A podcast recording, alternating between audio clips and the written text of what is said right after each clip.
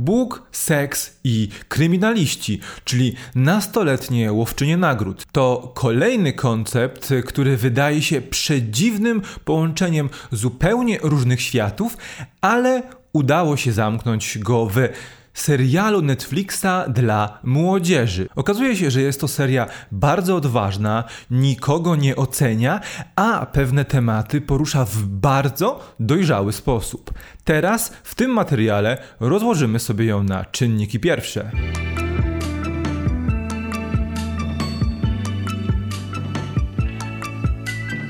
Cześć, witam Was bardzo serdecznie. Dzisiaj bierzemy na tapetę kolejny fantastycznie szalony, wręcz pomyleńczy koncept Netflixa, który stworzył serial dla młodzieży opowiadający o dwóch szesnastolatkach, które polują na kryminalistów. Przez przypadek. Jak wygląda zarys fabuły? Dwójka bliźniaczek ma stłuczkę samochodem swojego taty i okazuje się, że przez przypadek łapią poszukiwanego kryminalistę. Dzięki temu zarabiają trochę pieniędzy i teamapują się z doświadczonym łowcą nagród. Showrunnerką tego serialu jest Kathleen Jordan, która co prawda nie ma jeszcze ogromnego doświadczenia, nie ma żadnego spektakularnego tytułu w swoim dosie, ale Jedną z producentek wykonawczych tej serii jest Kenji Kohan, która odpowiedzialna jest m.in. za Orange is the New Black, czy też fantastyczny serial Glow. Po obejrzeniu zwiastunu miałem pewien problem, bo ten serial, koncept tego serialu wydawał mi się bardzo szalony, ale w sposób, w jaki szalone było Insatiable, czy wybory Peytona Hobarta, albo po angielsku The Politician. E, były to seriale bardzo na pozór, bardzo szalone, odważnie opowiadające o pewnych tematach, ale tak naprawdę mocno je trywializowały e, i nie miały żadnej empatii w stosunku do swoich postaci, które z założenia, z wyjścia miały być bardzo szerokim spektrum bohaterów ze względu na ich seksualność czy pochodzenie. I okazuje się, że nastoletnie łowczynie nagród przez moment przypominają właśnie te wspomniane tytuły e, i spowodowały spowodowało to trochę, że wstrzymywałem się, nie wiedziałem, w którą stronę ten serial pójdzie i bałem się, że po raz kolejny dostaniemy coś takiego bardzo skorupkowego, bardzo płytkiego, co tak naprawdę nic mądrego nam nie powie. Okazało się jednak, że e, wraz z rozwojem tej historii, wraz z tym, jak nasze bohaterki musiały mierzyć się z kolejnymi problemami, czy to w życiu zawodowym, czy też w życiu osobistym, zmierza on w bardzo dojrzałą stronę, poruszając coraz to nowsze i bardziej skomplikowane problemy i druga część sezonu pokazuje, że tak naprawdę dostaliśmy coś bardzo ciekawego ciekawego. Przejdźmy sobie do świata, w którym dzieje się ten e, serial, bo mamy do czynienia z Atlantą w stanie Georgia, e, ale mamy do czynienia z tą elitarną grupą bogatych, białych republikan, bardzo konserwatywnych e, i oglądamy ten świat głównie oczami naszej pary bliźniaczek Sterling i Blair, które są swoimi przeciwieństwami. Sterling jest bardzo przyzwoitą, dobrą chrześcijanką, która ma swojego długoletniego chłopaka Luka. Blair jest natomiast buntowniczką, dobrze wie, na początku serialu, czego chce, yy, lubi podejmować ryzyko i jest bardzo spontaniczna, bardzo impulsywna. Z biegiem rozwoju tej historii te role troszeczkę się w tej grupie zacierają, szczególnie jeśli dołożymy do naszych bliźniaczek Bowsera, czyli tego starego wygę, tego bounty huntera z dziesięcioletnim doświadczeniem, który widział wszystko, przeżył wszystko i on chce tylko skupić się na zdobywaniu kolejnych e, łowów.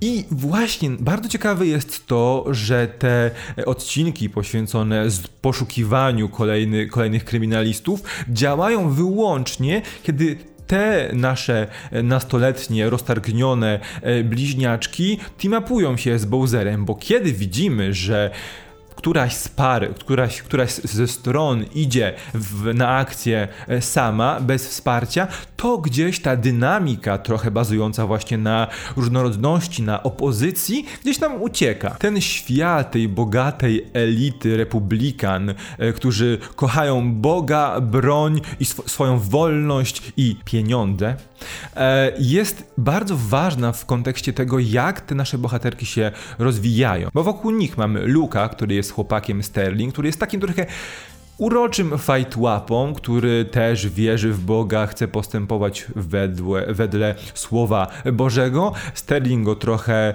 szarpie, trochę próbuje przekonać, że nie wszystko musi być tak, jak jest zapisane w księgach. Mamy też April, która jest niesamowicie ciekawą bohaterką, bo rozpoczyna drogę jako antagonistka, jako ta największa rywalka szkolna Sterling i Blair.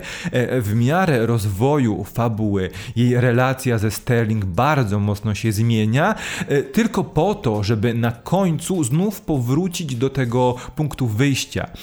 Jest to spowodowane decyzjami, które są podejmowane. Jest to też, z, jest to też związane z tym, że nasi bohaterowie, no jakby nie patrzeć, są nastolatkami, którzy zamknięci są w bardzo specyficznej grupie społecznej i pewnych decyzji nie mogą podjąć albo nie są jeszcze w stanie się na nie zdecydować, co jest też bardzo prominentne przez cały ten serial.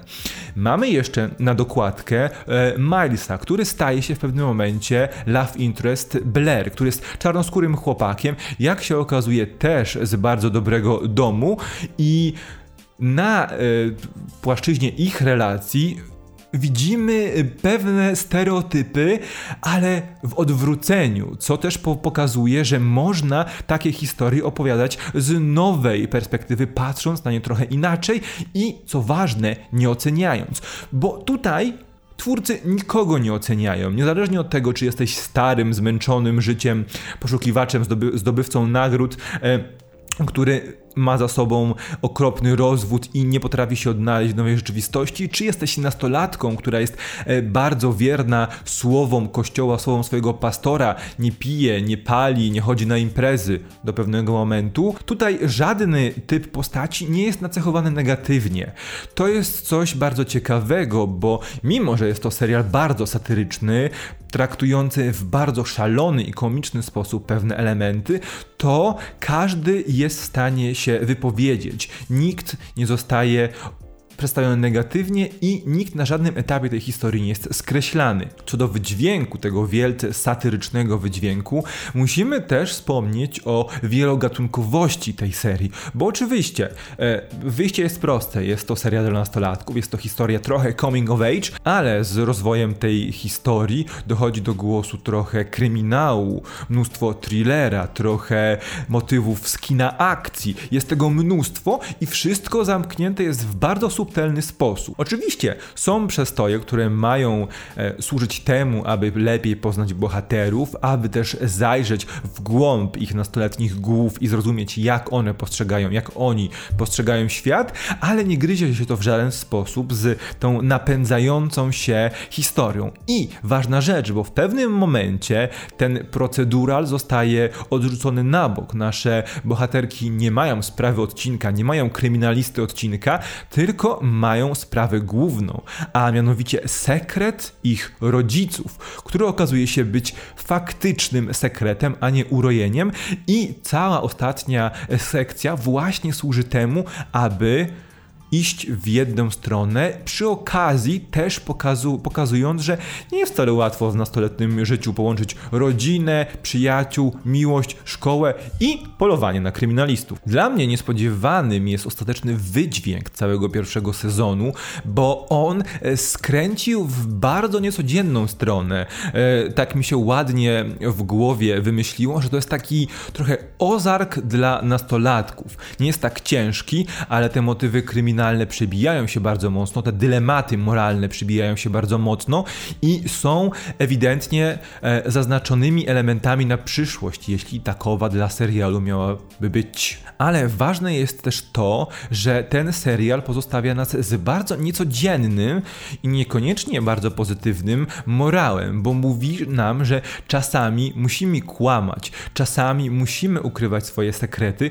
nie zawsze możemy być wszystkim tym, kim chcemy być, bo oczywiście znajdujemy się w pewnych społecznych konwenansach, mamy wokół siebie ludzi, o których musimy zadbać i nie możemy zawsze pokazywać tak naprawdę kim jesteśmy, czego chcemy i czego potrzebujemy, bo w ten sposób możemy zranić inne, bardzo ważne w naszym życiu osoby. Jestem niezwykle zainteresowany tym, jak ta historia może się potoczyć, bo e, serial nastoletnie Łowczynie Nagród albo Teenage Bounty Hunters w tym momencie, w momencie nagrywania tego materiału, jest chyba pierwszym od dawna serialem młodzieżowym, który w Polsce nie znajduje się w tym momencie w top 10 Netflixa.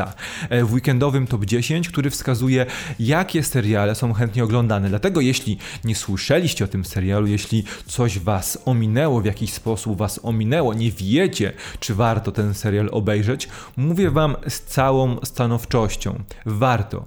Jeśli lubicie połączenie tych tropów nastoletnich, coming of age, teen dram, young adult z tymi poważniejszymi thrillerami, kryminałami, e, tą cięższą rozgrywką zakulisową, ten serial może być dla Was czymś dobrym i może Wam pokazać, że to nie muszą być tylko seriale, te seriale dla młodzieży, nie muszą być wyłącznie głupimi e, sat satyrami albo historiami ociekającymi romansem i seksem, mimo że ten również nie stroni od tych elementów, mogą być wartościową przygodą, wartościową podróżą, która da do myślenia. Powiem Wam szczerze, jestem zdziwiony, że ten serial tak mocno do mnie przemówił i tak mocno mnie uderzył. Oczywiście pewnie jesteście świadomi, że te seriale młodzieżowe są jednym z moich koników. Bardzo lubię wyszukiwać te tytuły, które faktycznie mają do zaproponowania nam coś dobrego, coś nowego i ten serial jest właśnie jednym z nich.